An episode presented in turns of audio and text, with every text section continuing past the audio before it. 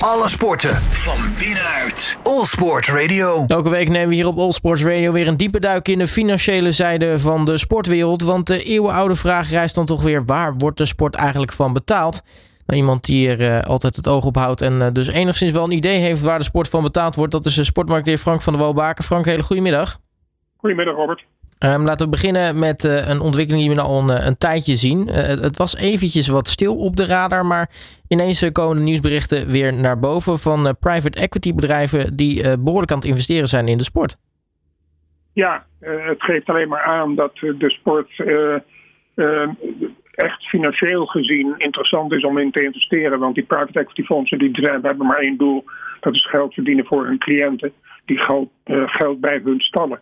En nu is er wel een hele opmerkelijke, want we hebben gezien dat veel private equity fondsen investeren in een club. Uh, uh, maar in toenemende mate zien we ook andere zaken, zoals bijvoorbeeld in complete competities, waar ik straks ook nog even op terugkom. Maar wat we nu hebben geconstateerd, dat het private equity fonds Arctos Sport Partners, dat is in Texas gehuisvest, in Amerika dus, heeft een minderheidsbelang verworven in maar liefst zes Major League Baseball franchises. Nou, we weten allemaal, baseball is de grootste sport in Amerika. Uh, en ze hebben dat ook niet in de minste van de, alle franchises gedaan, namelijk in de Los Angeles Dodgers, Chicago Cubs, de San Francisco Giants, de San Diego Padres, de Houston Astros en de Boston Red Sox. Nou, dat zijn volgens mij ongeveer de, de top zes franchises. Uh, het past of het mag volgens de regels van de Major League Baseball. Want er is geen limiet aan het aantal franchises waarin één investeerder kan of mag deelnemen. Maar er is echter wel een maximum percentage dat een franchise kan verkopen. En dat is 30% van het totaal. Eh, met nog eens een ander maximum van 15% aan één koper. Dus er zijn wel bepaalde regels waardoor ze vooralsnog 70% uh, zelf uh, in eigen beheer houden. Uh, toch zijn dit allemaal ontwikkelingen natuurlijk, want het is elke, elke keer een stap verder.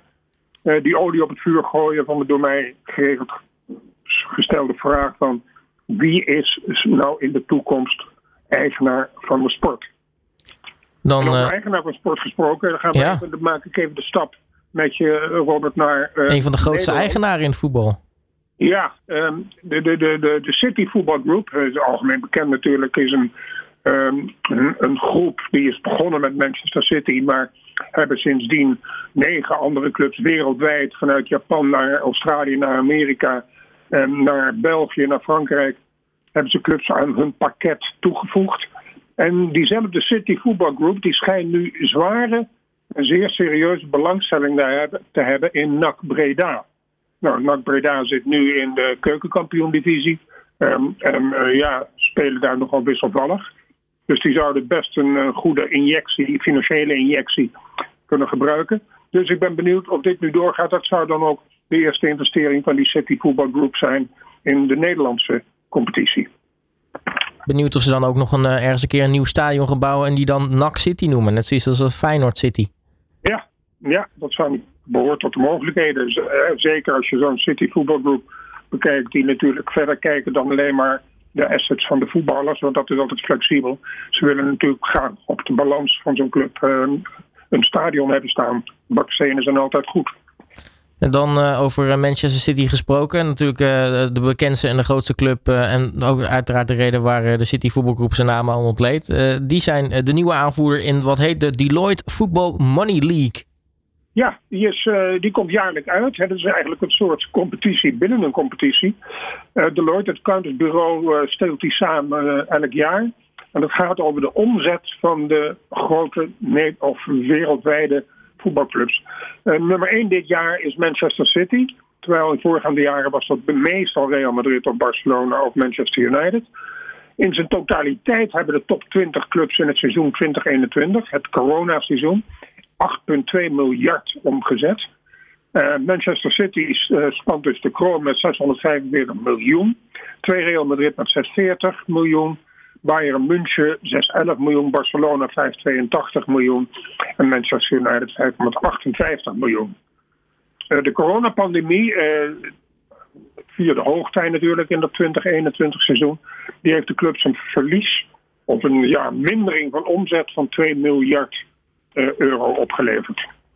Dan uh, de, de Ligue 1. We hadden het net al over uh, investeringen in de sport. Uh, toen was het de Major League Baseball. maar in de Ligue 1, dat schijnt ook vrij lucratief te zijn. Ook daar stappen veel partijen met investeringen in.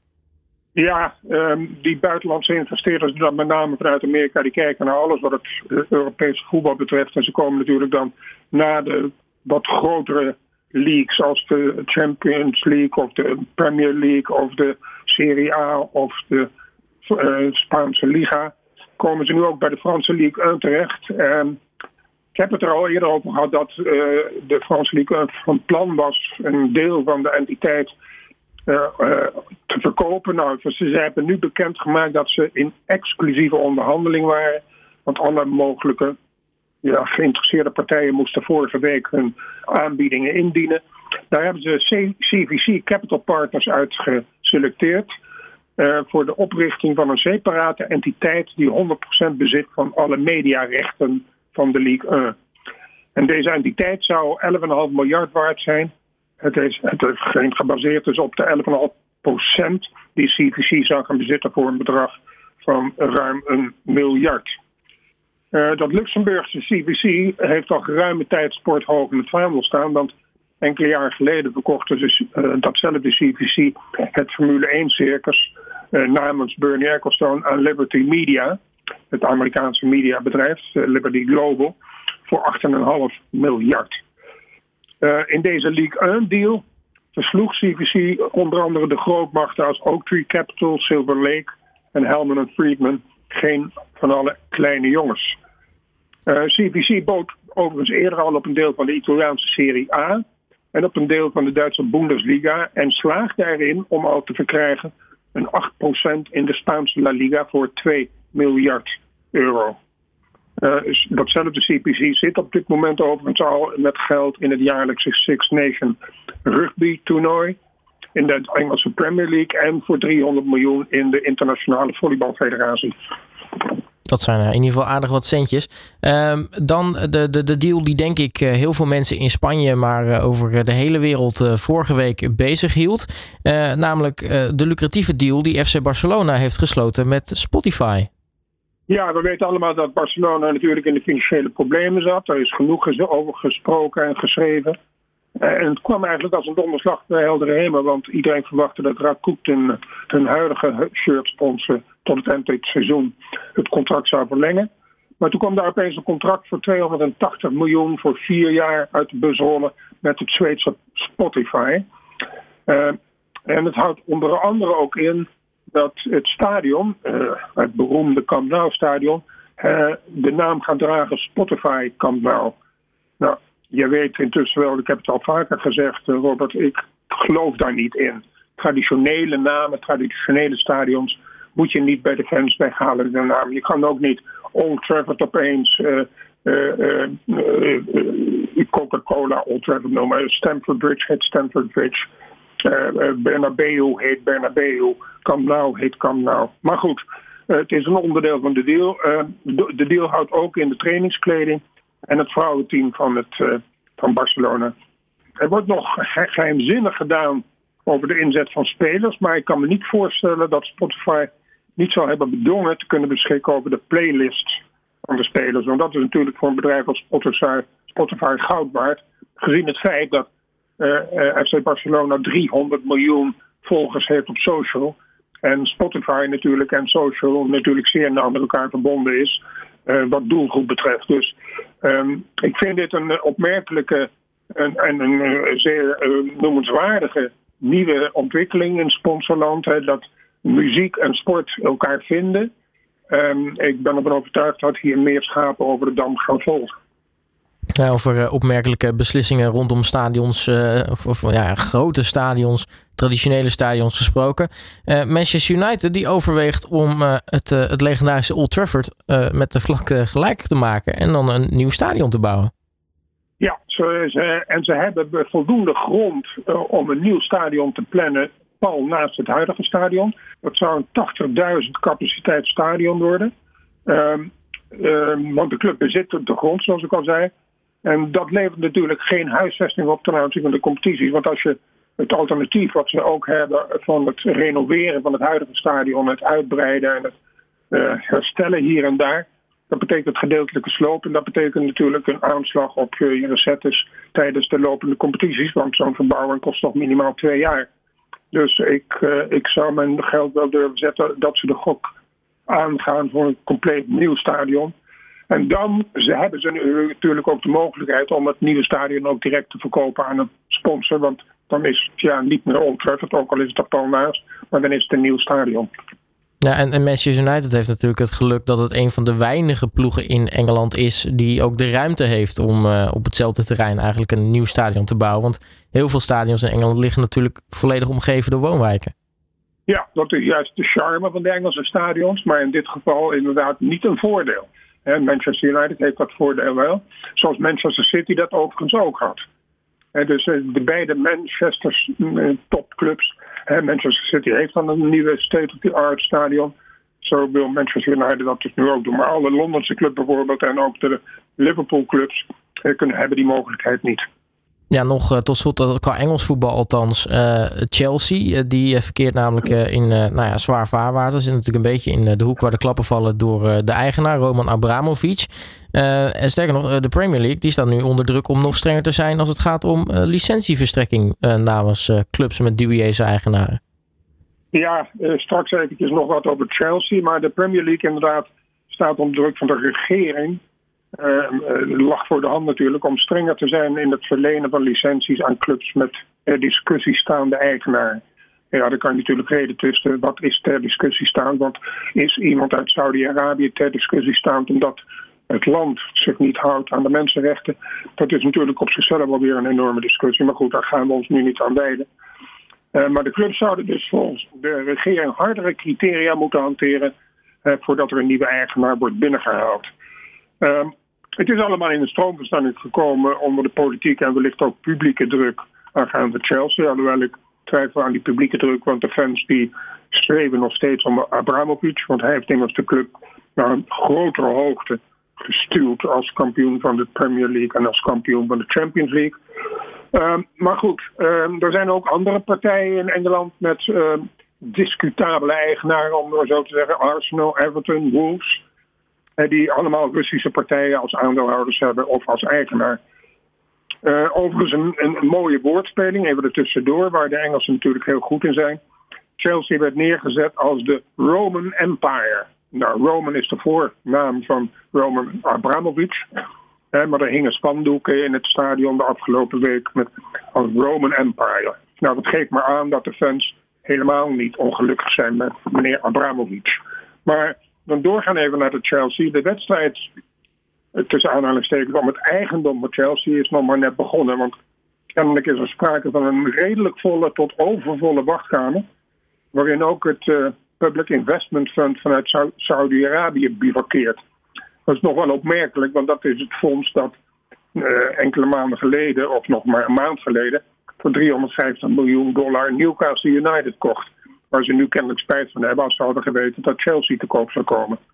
Maar in de wedstrijd tussen aanhalingstekens voor Chelsea is ook een uh, Amerikaanse meneer Todd Boehly, is eigenaar van onder andere de uh, franchise Los Angeles Dodgers, waar ik het ook al eerder in deze uh, podcast over had. en ook in de race is de Ricketts family, eigenaars van de Chicago Cubs. Daarnaast de Engelse vastgoedmiljardair Nick Candy, nou, wat, wat in een name, Candy, maar goed. Leuk. Uh, verrassend is ook dat uh, Lord Sebastian Coe, de voormalige Olympische goud, gouden atleet en CEO van de 2012 Londen Olympische Spelen, uh, wordt genoemd als potentiële bieder. Hij zou het samen doen met onder andere de Amerikaan John Textar, die weer deel-eigenaar is van Crystal Palace, de club, eh, ook de Premier League club uit Londen. Dus uh, het is voorlopig nog niet gelopen. Uh, en het feit dat uh, Abramovic kennelijk bereid is of gedwongen wordt om de, ehm, de schulden die Chelsea aan hem had van ruim anderhalf miljard kwijt te schelden, maakt de club natuurlijk extra interessant. Want er werd in eerste instantie gezegd dat de club minimaal 3 miljard zou moeten opleveren. Het zou zomaar kunnen zijn dat dat nu dichter in de buurt komt van de anderhalf miljard. Dus dit wordt ongetwijfeld vervolgd, Robert. Ja, Frank, dan een sport waar we het uh, niet zo heel gek vaak over hebben, hockey. Um, er schijnt namelijk uh, toch een klein probleempje te zijn met uh, de nieuwe sponsor van hockeyclub Den Bosch. Ja, geen onbekende natuurlijk, de hockeyclub Den Bosch. Sinds mensenheugen is, zou ik bijna willen zeggen, kampioen in de vrouwenhoofdklasse. Ze hebben een probleempje, want omdat het Rabobank sponsorship is beëindigd, hebben ze vrij snel een nieuwe sponsor weten te vinden. En dat is Scotch Whisky Investments. Dat prijkt nu op de shirts van zowel de mannen als de vrouwen in de hoofdklasse. Uh, er is sprake van een driejarig contract. Maar nu heeft de reclamecodecommissie uh, protest aangetekend. In mijn ogen enigszins terecht als je de regels hanteert die in Nederland gelden. Uh, want alcohol verbinden met sport kan in beperkte mate, maar niet met de atleten zelf, dus niet op shirts. Dus uh, de club is in een probleem. De club verdedigt zich en zegt van ja, het is niet reclame voor Scotch whisky, het is reclame voor investeren in Scotch whisky. Ja, zo ken ik er nog wel een paar. Dat is natuurlijk, vind ik, een enigszins uh, opgeschroefd en gek verhaal. Uh, ik vind het onzin dat dit op het shirt staat. En ik ben bang dat de Hockeybond het hiermee eens zal zijn en dat de Hockeybond zou ingrijpen. Zo niet, dan zal er een arbitragecommissie moeten komen die hier een uitspraak over doet. Maar ik denk dat de Bos op, op zoek moet naar een andere sponsor. Dan uh, tot slot uh, de Formule 1. Uh, we hebben natuurlijk net de eerste race gehad in Bahrein. En het duurt niet zo lang meer. of we zijn weer in Saudi-Arabië aan het racen. Um, nu is het interessant dat Amerika, wat op zich ook weer wel logisch is, gezien de Amerikaanse eigenaar natuurlijk van het hele circus, die zijn in toenemende mate geïnteresseerd. Sterker nog, er zou een, een derde race gepland staan voor volgend jaar in, in Las Vegas. Ja, er, er, was eerst sprake van uh, dat Amerika sowieso geïnteresseerd is, maar dat er dan toch wel eens een Amerikaanse rijder in het circus zou moeten optreden. Nou, die is er vooralsnog niet. Uh, ook niet bij het Amerikaanse team van Haas. Uh, dat het zo goed heeft gedaan overigens in, in. Maar er is nu inderdaad op de kalender waar al jaren staat... de enige Formule 1 race in Amerika op het Austin Circuit of the Americas. Is dit jaar voor het eerst wordt aan toegevoegd eh, het Miami-spektakel.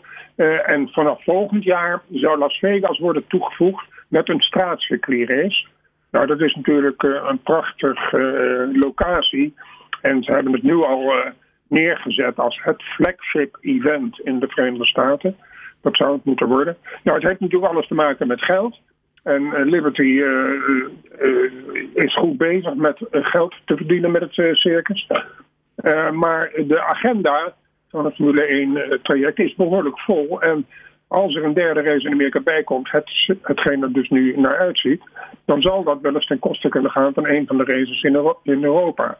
En dan ben ik benieuwd uh, welke er gaat afvallen. Nog even nog aangeven dat het zo goed gaat met het Formule 1 verhaal. Mede dank, dankzij natuurlijk Max en Lewis Hamilton. Uh, we hebben uh, vorige week al uh, gemeld dat het Formule 1 circus zich mag verheugen in een aantal partners zoals Aramco, Crypto.com, DHL, Emirates, Heineken, Pirelli en Rolex. Die allemaal om en bij de 40 tot 50 miljoen zelfs betalen per jaar in dollars. Daar is nu aan toegevoegd Salesforce en Tata Steel. En sinds vorige week in Bahrein ook MSC Cruises. En dat is een opmerkelijke deal, want afgezien van het geld dat zij zullen betalen, hebben zij ook uh, in de deal betrokken het feit dat als er een race plaatsvindt in een havenstad, een havenstad en dat zijn er nog alles wat, dan zullen zij schepen voor hotelaccommodatie voor het hele circus. En dat is wel een interessante bijkomstigheid in het hele Formule 1 plaatje. En dat was het weer, eh, Robert, voor deze week. Nou, Frank van der Walbaken mag ik je hartelijk danken weer uh, voor je tijd. En uh, spreek je natuurlijk uh, volgende week weer. Oké okay, Robert, tot volgende week. Alle sporten van binnenuit. All Sport Radio.